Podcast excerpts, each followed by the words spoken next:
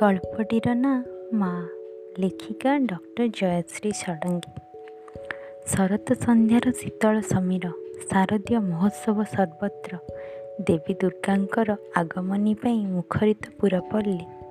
ଭାରି ଭଲ ଲାଗେ ଗାଁ ଦାଣ୍ଡ ଭଲ ଲାଗେ ସାଙ୍ଗସାଥି। ଶୀତ ବସନ୍ତ ବର୍ଷା ଗୋଟି ଗୋଟି ମନେ ପଡ଼େ ବୟସର ଅପରାହ୍ନରେ। ଯେତେବେଳେ ସମୟର ରୌଦ୍ରତାପଟା ଖୁବ୍ କଷ୍ଟ ଦିଏ। ଆଜି ଖୁବ୍ ମନେ ପଡ଼ୁଛି ସାନ ଦିନର କଥା ଓ କାହାଣୀ। ବିଦ୍ୟାଳୟର ଛାତ୍ର ଜୀବନରେ ଜଣେ ଶିକ୍ଷକ ଥିଲେ। ତାଙ୍କ ନାଁ ଥିଲା ଶ୍ରୀ ଶରତ ପଣ୍ଡା। ଏକ ଆଦର୍ଶ ବ୍ୟକ୍ତିତ୍ୱ ଶାନ୍ତ ଭଦ୍ର ଛାତ୍ରବତ୍ସଳ ସରଳ ଓ ଚରିତ୍ରବାନ। ତାଙ୍କର ଅମାୟିକ ନିଷ୍କପଟ ବ୍ୟକ୍ତିସତ୍ତା ନିକଟରେ ମୁଣ୍ଡ ନଇଁଯାଏ ଗୋଟିଏ ସଦ୍ଗୁଣଗ୍ରାହୀ ମାନବର ସଭା ସମିତିରେ ଭାଷଣ ସଂସ୍କୃତ ଶ୍ଳୋକର ଆବୃତ୍ତି ଯେ କେହି ଶୁଣେ ଯାଉଥିବା ଲୋକଟେ ବି ଦଣ୍ଡେ ଛିଡ଼ା ହୋଇଯାଏ। ତାଙ୍କର ତ୍ୟାଗଭୂତ ସରଳ ଜୀବନଯାତ୍ରା ଶ୍ରଦ୍ଧା ଓ ଭଲ ପାଇବା ଗୁଣକୁ ପ୍ରତ୍ୟେକ ଶିକ୍ଷକ ପାଥେୟ କରିବା ଉଚିତ। ସେ ହିଁ ଶିଖାଇଥିଲେ ମା ଶବ୍ଦର ମାହାତ୍ମ୍ୟ ଜନକ ଜନନୀଙ୍କର ତାତ୍ପର୍ଯ୍ୟ ଯା ଦେବୀ ସର୍ବଭୂତେଷୁ ମାତୃରୂପେଣ ସଂସ୍ଥିତା। ତାଙ୍କର ତ୍ୟାଗର ସୌରଭ ସିଞ୍ଚି ହୋଇ ହୋଇ ଅନେକ ଛାତ୍ରଙ୍କ ଉପରେ। କିନ୍ତୁ ତାଙ୍କଠାରୁ ଶିଖିଥିବା ଆଦର୍ଶ ମୋର ଶୋଇଗଲା କେଉଁ ଏକ ଅତଳ ଗହ୍ୱରରେ। ସୁଦୂର ସହରରେ ଚାକିରି କଲି ପ୍ରେମ ପିତୁଳି ସ୍ତ୍ରୀରତ୍ନଙ୍କର ସୋହାଗରେ ବନ୍ଧା ହୋଇଗଲି। ଆଜି ଦୁର୍ଗା ପୂଜା। ମନେ ପଡ଼ୁଛି ମୋ ଗାଁ ମଣ୍ଡପ କଥା। ଶରତ ପଣ୍ଡିତ ଯେତେବେଳେ ଚଣ୍ଡୀ ମନ୍ତ୍ର ପଢ଼ନ୍ତି ସତେ ଯେମିତି ଦେବୀ ମାତା କାନ ଦେଇ ଶୁଣନ୍ତି। କି ସୁନ୍ଦର ତାଙ୍କର କଣ୍ଠଧ୍ୱନି।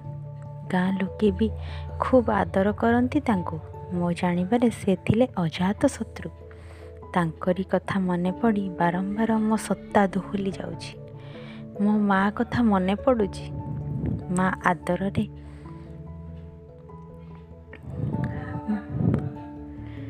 କେତେ କଥା କହେ। ବାପା ଅସୁସ୍ଥ ହେବାର କେଇଦିନ ଆଗରୁ ମା କହୁଥିଲା ବାବୁରେ ଟିକିଏ ଆସିବୁ। ବାପା ତୋତେ ଖୋଜୁଛନ୍ତି। ଯିବି ଯିବି କହି ଯାଇପାରିଲିନି। ଯେତେବେଳେ ଗଲି ବାପା ଆଉ ଚିହ୍ନୁ ନଥିଲେ। କଥା ବି କହିପାରୁନଥିଲେ ଖୁବ୍ କଷ୍ଟ ହେଲା। ଲୁଚି ଲୁଚି କାନ୍ଦିଲି। କିଛି କହିପାରିଲିନି କି କିଛି କରିପାରିଲିନି। ବାପା ଚାଲିଗଲେ। ମା ମୋର ବହୁତ କାନ୍ଦୁଥିଲା। ମାଆର କାନିରେ ମୁହଁ ପୋଛିବାରେ କେତେ ଆନନ୍ଦ। ସେହି ମାଆର ପଣତ ଆଜି ମୋ ପାଇଁ ସ୍ୱପ୍ନ। ତା ଆଖିର ଲୁହ ସେ ନିଜେ ପୋଛୁଛି। କେମିତି ଅଛି ସେ? ଏଇମିତି କ'ଣ ଭାବୁ ଭାବୁ ରାତ୍ରିର ସମୟ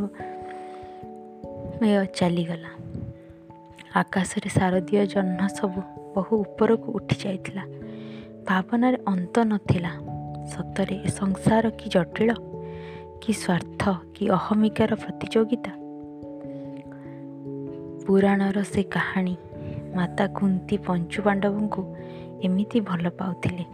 କାହାରିକୁ ଉଣା ଅଧିକ ନେତ୍ରରେ ଦେଖୁନଥିଲେ ଯାହା ଆଣିଛ ପାଞ୍ଚ ଭାଗ କରି ଭୋଗ କର।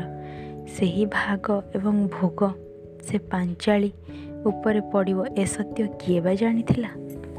ସବୁଦିନ ପାଇଁ ଏ କାହାଣୀ କାହାଣୀ ହୋଇ ରହିଗଲା। କାହାନ୍ତି ସେ ଦେବୀ ଦ୍ରୌପଦୀ ଆଜିର ନାରୀର ଅନ୍ୟ ନାମ ଈର୍ଷା। ଖାଲି ସୁଖ ସମ୍ଭୋଗର ରାଣୀ। ସେ ସ୍ୱାମୀର ସମ୍ପତ୍ତିର ଅଧିକାରିଣୀ ସେବା ତ୍ୟାଗ ଆଦର୍ଶ ତା ପାଇଁ ତୁଚ୍ଛ। ହଠାତ୍ ଚମକି ପଡ଼ିଲି। ପକେଟରେ ଥିବା ମୋବାଇଲ ଫୋନ୍ଟା ବାଜି ଉଠିଲା।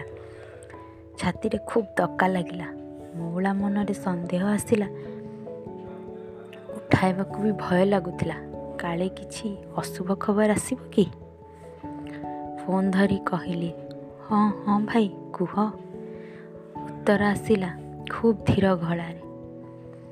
ଆସିବୁ ଶୀଘ୍ର ମା ଖୋଜୁଛି ବହୁତ ଖୋଜୁଛି। ମନଟା ଚଞ୍ଚଳ ଓ ଆଉଟି ପାଉଟି ହେଲା।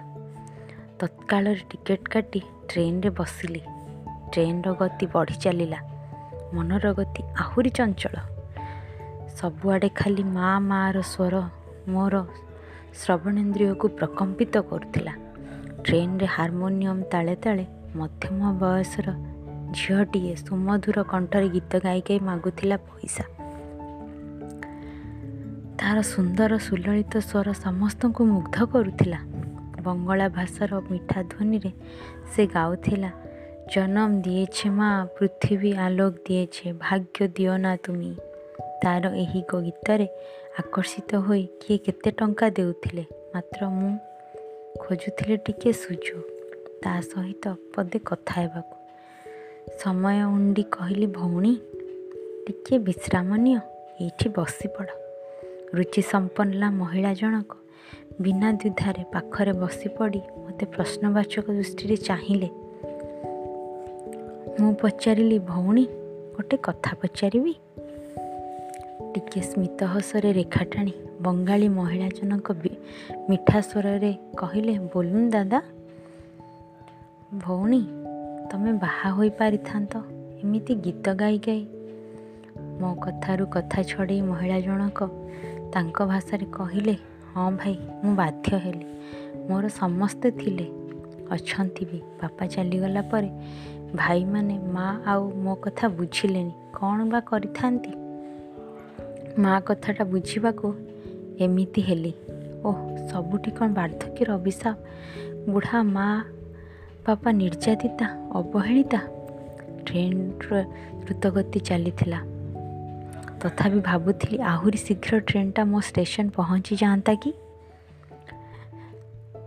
ଯଥା ସମୟରେ ଷ୍ଟେସନରେ ପହଞ୍ଚିଲା ମୋ ରେଳଯାନ। ପାଖେଇ ଆସିଲା ମୋ ଗାଁ ମାଟି।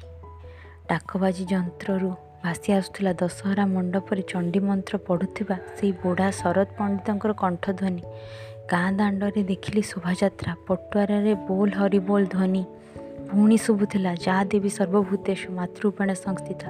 ନମସ୍ତସ୍ୟೈ ନମସ୍ତସ୍ୟೈ ନମସ୍ତସ୍ୟೈ ନମୋ ନମ। ଯାହା ଦେବୀ ସର୍ବଭୂତେଷୁ ମାତୃରୂପେଣ ସଂସ୍ଥିତା। ମା ଲୋ କହି କଚାଡ଼ି ପଡ଼ିଲି ମୁଁ।